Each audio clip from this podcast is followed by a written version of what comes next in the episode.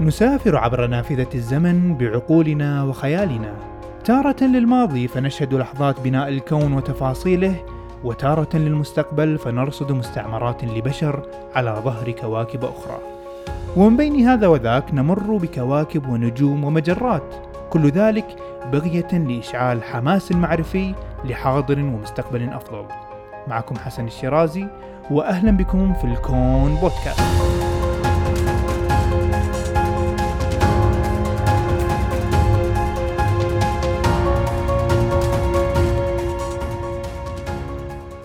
السلام عليكم.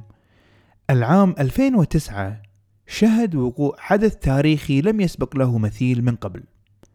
ففوق دولة صربيا وعلى ارتفاع أكثر من 800 كيلو متر تصادم أول جسمين من صنع الإنسان في الفضاء.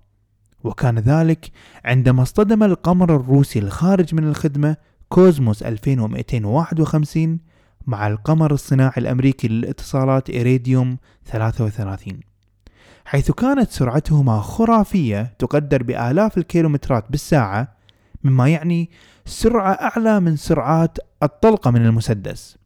ونتج عن ذلك تناثر وتطاير الحطام والشظايا من هذا الاصطدام الغير متوقع وتناثرها في كل اتجاه. هذه المشكلة ليست وليدة تلك اللحظة وذلك الاصطدام إنما بدأت من إطلاقنا أول الأجسام خارج الأرض وتنامت وأخذت تكبر وحذر من عواقبها العلماء إلى أن أصبح لدينا اليوم مقبرة من الإلكترونيات تدور في مداراتها حول الأرض. وهذا ما سنفصل فيه في حلقة اليوم لنتعرف كيف أنها قد تكون واحدة من أكبر المشاكل في السنوات القادمة في قطاع الفضاء. وقبل ذلك أنوه بأن هذه الحلقة من البودكاست تأتيكم برعاية من مؤسسة الكويت للتقدم العلمي. مؤسسة الكويت لديها العديد من الكتب والبرامج العلمية الشيقة والمناسبة لجميع الأعمار وجميع التخصصات. تابعوهم واختاروا ما يناسبكم. أما الآن فهيا بنا إلى حدود الكرة الأرضية. نعاين نوع جديد من أنواع التلوث ولكن هذه المرة في الفضاء.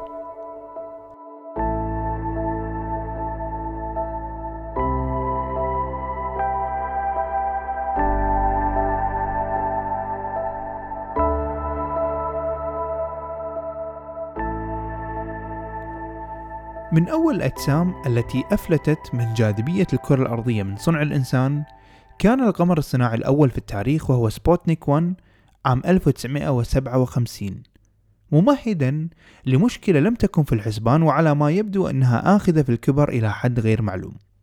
هذا الحدث تكرر حول العالم خمسة آلاف مرة إلى يومنا هذا حيث أطلقنا من مختلف المنصات ووكالات الفضاء والمنشآت العسكرية حول العالم أجسام لغايات مختلفة بعضها علمي وآخر عسكري وأخرى لأغراض تجارية. وأصبح لدينا ما يفوق 23 ألف قطعة بمختلف الأحجام وقذفناها إلى الفضاء لتحوم حول كوكب الأرض ملبية مختلف الوسائل لتسهيل حياة الإنسان. ولكن هل كل هذه القطع تعتبر حطام فضائي أو بالأحرى؟ ما هو الحطام الفضائي ومن أين ينشأ؟ الحطام في الحقيقة له عدة مصادر وأهمها هو ما ينتج من مخلفات الصواريخ عندما تصل إلى الفضاء. فأي قطعة صغيرة تتطاير من الصاروخ ولو كانت بحجم البرغي الصغير مثلا أو أصغر حتى لو كانت قطعة رقيقة هشة من الصبغ المتناثر. ممكن أن تكون حطام خطير جدا. لأن هذه الأجسام الصغيرة عندما تكون في المدار تكون سرعاتها عالية جدا جدا. فحتى لو كانت صغيرة بالحجم والوزن فإن الاصطدام بها يكون كارثي. فهذا هو المصدر الأول للحطام الفضائي. أما المصدر الثاني فهي الأقمار الصناعية بمختلف أنواعها ولكن عندما تنتهي وتخرج من الخدمة فهي تظل هناك في الفضاء تحوم في مدارها وليس أمامها سوى مصيرين اثنين. إما أن ينتهي بها الحال تدخل في الغلاف الجوي وتحترق من جراء الاحتكاك في الجزيئات أو تظل تدور في المدار بشكل عشوائي لا نعلم أو نستطيع أن نقدر مصيرها. وبذلك تكون تمهيد للنوع الثالث من الحطام الفضائي الذي يتكون عندما تصطدم هذه الأقمار الصناعية بجسم آخر مثل الحادثة اللي بديت فيها الحلقة بين الستلايت الروسي والأمريكي.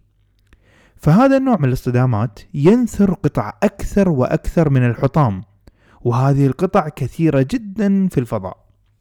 فقد قلت سابقا بأن هناك في الفضاء الآن 23 ألف قطعة ولكن في الحقيقة هي ليست كل الحكاية بل هي فقط القطع الأكبر من 10 سنتيمتر تقريبا أي بحجم بطيخة صغيرة. وهي تعتبر القطع القابلة للمتابعة والمراقبة من خلال المراصد الأرضية كما سنفصل بعد قليل.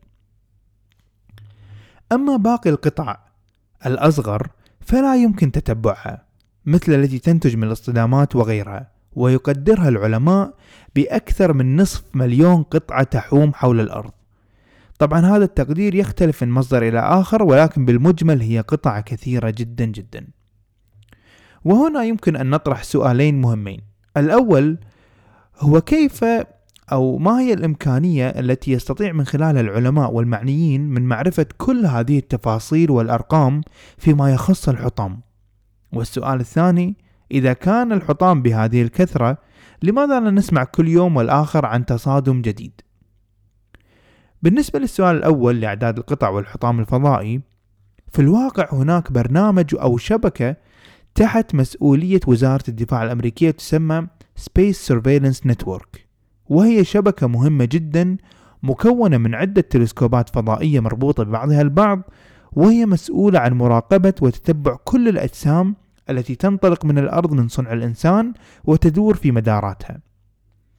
بالنسبة للأحجام التي تستطيع مراقبتها هذه الشبكة فهي الأجسام ذات الأبعاد 10 سنتيمترات وأكثر فتكون ضمن إطار قدرتها. أما الأجسام الأصغر فترصد بالعادة عن طريق الرادارات الأرضية ويعمل عليها دراسات إحصائية تقريبية لتصور عددها. فبالنهاية هي صغيرة جدا ولا يمكن إحصائها كلها إلا بالتقريب. يعني نحن نتحدث عن أجسام صغيرة مثل البراغي وقطع متناثرة من الصبغ المتطاير من هنا من هنا وهناك ولا أعتقد أنه في يوم من الأيام يعني راح نقدر نحصيها على وجه الدقة. ناهيك عن مسألة احتراقها إذا دخلت الغلاف الجوي فهذا يصعب المسألة أكثر وأكثر. أما إذا أردنا اليوم أن نتنبأ بأعداد هذه القطع في المستقبل فهناك عامل جديد يقوى يوم بعد يوم وهو محاكاة الحواسيب. فهي مفيدة جدا إذا استعنا فيها وعملنا عمليات حسابية ومحاكاة لما سيحدث في المئتين سنة القادمة بناء على المعطيات الحالية. فنجد أن المشكلة ستصبح أسوأ بكثير. فالأجسام الكبيرة ستزداد بمعدل الضعف والأجسام المتوسطة بالحجم ستتضاعف ثلاث إلى أربع مرات. أما الأجسام الصغيرة ستتضاعف بمقدار عشرين ضعف. طيب نرجع للسؤال الثاني اللي طرحته قبل قليل. إذا كانت الأعداد بهذه الكثرة فأين التصادمات لماذا لا تحدث بشكل كبير اليوم؟ السبب في ذلك يرجع إلى الفضاء نفسه. فالفضاء واسع وكبير جدا والمسافات كبيرة لدرجة لا يمكن تصورها. فحتى لو كانت هذه الأجسام بتلك الكثرة فإنها تبدو ضائعة في الفضاء الفسيح. والأمر لن يكون يعني كأحد مشاهد أفلام الخيال العلمي بحيث تكون المناطق ذات كثافة عالية بالحطام والمركبات الفضائية عليها أن تتأرجح بينها باستمرار لتنجو. لا على العكس فالمسافات شاسعة على الأقل نستطيع أن نقول حتى الآن. فكل ما تقدم الزمن بهذه الممارسات بدون أي توجيه ستكون الأمور بالتأكيد أصعب وأعقد. وهذا الكلام متطابق مع ما تنبأ به العالم دونالد كيسلر الذي قال في سبعينيات القرن الماضي بأن هذه المشكلة ستتضخم إلى أن يحدث تصادمات في الأقمار الصناعية وغيرها من الأجسام وهو ما حصل بالفعل. فكلام كيسلر كان مبني على نموذج يسمى اليوم بمتلازمة كيسلر. وهي ما سنتعرف عليه بعد قليل مع أبعاد وحلول هذه المشكلة.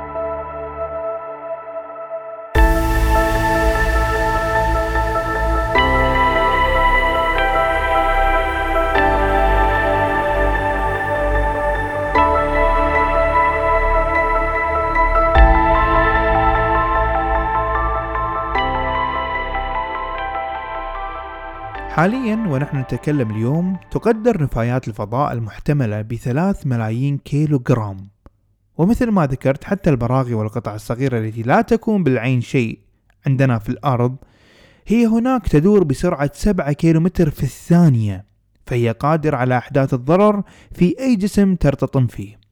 ولكي يعطيكم لمحة عن خطورة الموضوع فقبل فترة وبينما كان رواد محطة الفضاء الدولية يقومون بأعمالهم الروتينية وجد أحد رواد الفضاء أثناء معاينته للأذرع الروبوتية في المحطة فجوة وثقب في أحد الأذرع ويتوقع بأن ذلك قد نتج من الاصطدام بشظية عشوائية متناثرة في الفضاء. ولحسن الحظ أن الحادث اقتصر على هذه الفجوة حيث كان من الممكن أن تكون الأوضاع أسوأ بكثير. فالموضوع إذا خطير وقد نبه عليه من قبل العالم دونالد كيسلر على هذه المسألة وقال بأن تزايد النفايات الصغيرة إن صح تعبيرنا وسميناها نفايات ستكون مسؤولة عن اصطدامات. هذه الاصطدامات نفسها ستنتج وتكون بطبيعة الحال حطام ونفايات أخرى جديدة وبالتالي فرصة أكبر لتصادمات أكثر وحطام أكثر وهكذا. هذه المتوالية من الاصطدامات والنفايات تعرف باسم كيسلر سيندروم وتكون طريقتها في العمل Positive Feedback Process. يعني دائرة من الأحداث تغذي نفسها بنفسها. وهي زيادة تصاعدية إذا رسمناها على المنحنى حتى إذا وصلنا إلى مرحلة ما فتصبح الزيادة أسية. وبذلك تكون أرقام الحوادث أكثر وأكثر بطريقة لا يمكننا تخفيضها. فحل هذه المشكلة يكمن في أن نمنع وصول منحنى الحطام في الفضاء إلى النقطة التي من بعدها تتوالى الأحداث بطريقة أسية. مثال تقريبي لذلك هو المشهد الافتتاحي لفيلم جرافيتي وهو واحد من أجمل أفلام الفضاء بالمناسبة وسبق أن عملت عنه مراجعة سريعة في حلقة أفلام الفضاء. ففي ذلك المشهد دمار شامل يحدث للمحطة بعد اصطدام مع شظايا متناثرة. في الفيلم طبعا التسارع ومتوالية كيسلر تحدث بشكل مبالغ فيه لأغراض درامية ولكن في الحقيقة كيسلر syndrome تأخذ وقت أطول بكثير جدا من التسارع في أحداث الفيلم فما حدث في دقائق قد يأخذ أيام وأيام طويلة جدا ولكن نفس الفكرة حطام يكون اصطدامات واصطدامات تكون حطام وهكذا. ولأن هذا الموضوع له تداعيات خطيرة إن وقعت على المركبات الفضائية وعلى كفاءة الأنظمة التي تعمل في الفضاء فإن وكالة الفضاء الأمريكية طورت قواعد إرشادية لتقييم حادث الاصطدام المحتمل. فعملت ناسا نموذج محاكي لمحطة الفضاء الدولية في برنامج كمبيوتر سمت هذا النموذج pizza box أو صندوق البيتزا. وهو صندوق مستطيل الشكل إذا رأيناه من جانب بال two dimension وإذا أخذناه بال three dimension يكون بشكل مكعب. في منتصف هذا الشكل وضعوا محطة الفضاء الدولية. أبعاد هذا المستطيل عرض 4 كيلومتر ارتفاع 50 كيلومتر وبالعمق 30 كيلومتر. تخيلوا الشكل وبالمنتصف وضعوا المحطة محطة الفضاء الدولية. الآن بالاعتماد على البيانات المأخوذة من محطات المراقبة اللي تكلمنا عنها مثل Space Surveillance Network وغيرها أي جسم سيدخل هذا الشكل الثلاثي في الكمبيوتر بناء على القراءات والتوقعات فعلى الفور يكون هناك اتصال وتواصل مباشر بين مركز العمليات في هيوستن ومركز العمليات في موسكو لتحليل الوضع واتخاذ القرار المناسب لتفادي الاصطدام المحتمل. طبعا القرارات التي ستتخذ مدروسة وليست عشوائية أو استنتاجات وليدة اللحظة. فإذا كان الجسم المتوقع الاصطدام به مدروس بشكل كافي ومعروف الأبعاد والسرعة، وإذا كانت احتمالية اصطدام الحطام أو الجسم مع محطة الفضاء الدولية تقدر نسبته واحد من مئة ألف فإن القرار المتخذ سيكون حينها القيام بعملية مناورة وابتعاد عن هذا الجسم بشرط أن لا يؤثر هذا الابتعاد عن أهداف المحطة الدراسية والبحثية. أما إذا كان احتمالية الاصطدام نسبته واحد من عشرة آلاف فإن المناورة تكون هي القرار المتخذ حتى لو أثر على أهداف المحطة ولكن بشرط ألا تولد هذه المناورة أخطار أخرى. طبعا المناورة تكون بسيطة جدا يعني ليست بمثل المناورات العسكرية وأفلام الخيال العلمي إنما شيء يسير للابتعاد عن الحطام الصغير جدا وتكون قبل الموعد المتوقع لتقاطع الحطام مع محطة الفضاء الدولية بساعات عديدة. بالعادة يكون التخطيط والتنفيذ مدته خمس ساعات وتكون المناورة عن طريق دفاعات الجزء الروسي من المحطة.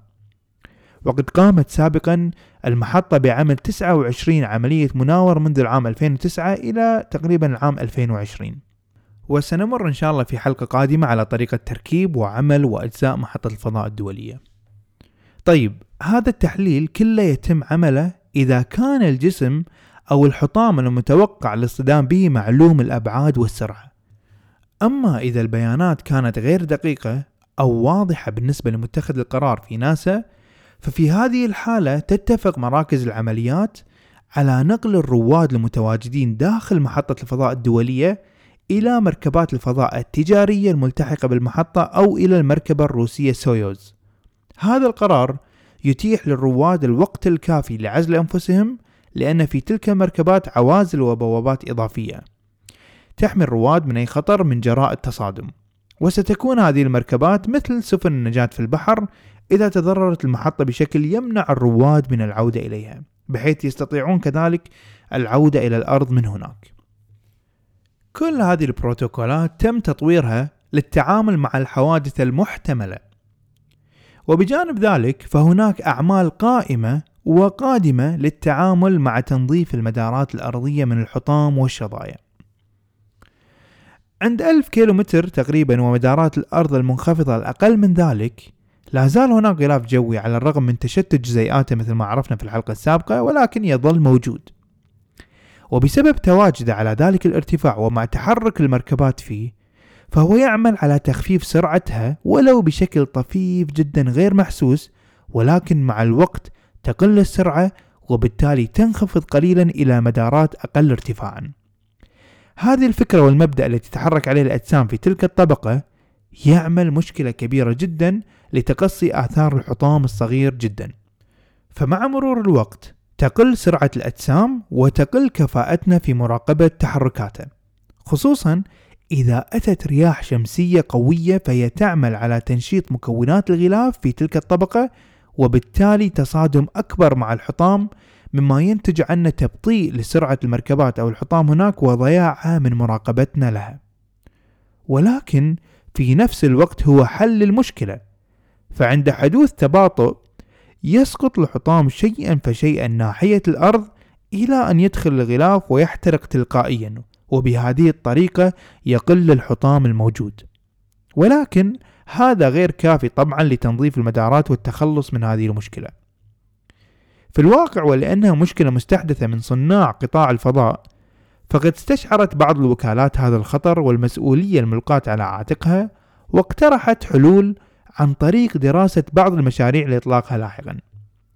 فوكالة الفضاء اليابانية جاكسا اقترحت هذه الفكرة التي حقا وأنا أقرأ تفاصيلها ظننت أني أقرأ تفاصيل مركبة ومشهد من أفلام الخيال العلمي. فالمشروع عبارة عن إرسال سفينة فضاء إن صح التعبير تكون بطول ست ملاعب كرة قدم حوالي 700 متر وأسموها electrodynamic tether مهمة هذه المركبة هي ضرب المخلفات الطائشة في مداراتها وإرجاعها إلى المجال الأرضي لتحترق في الغلاف الجوي.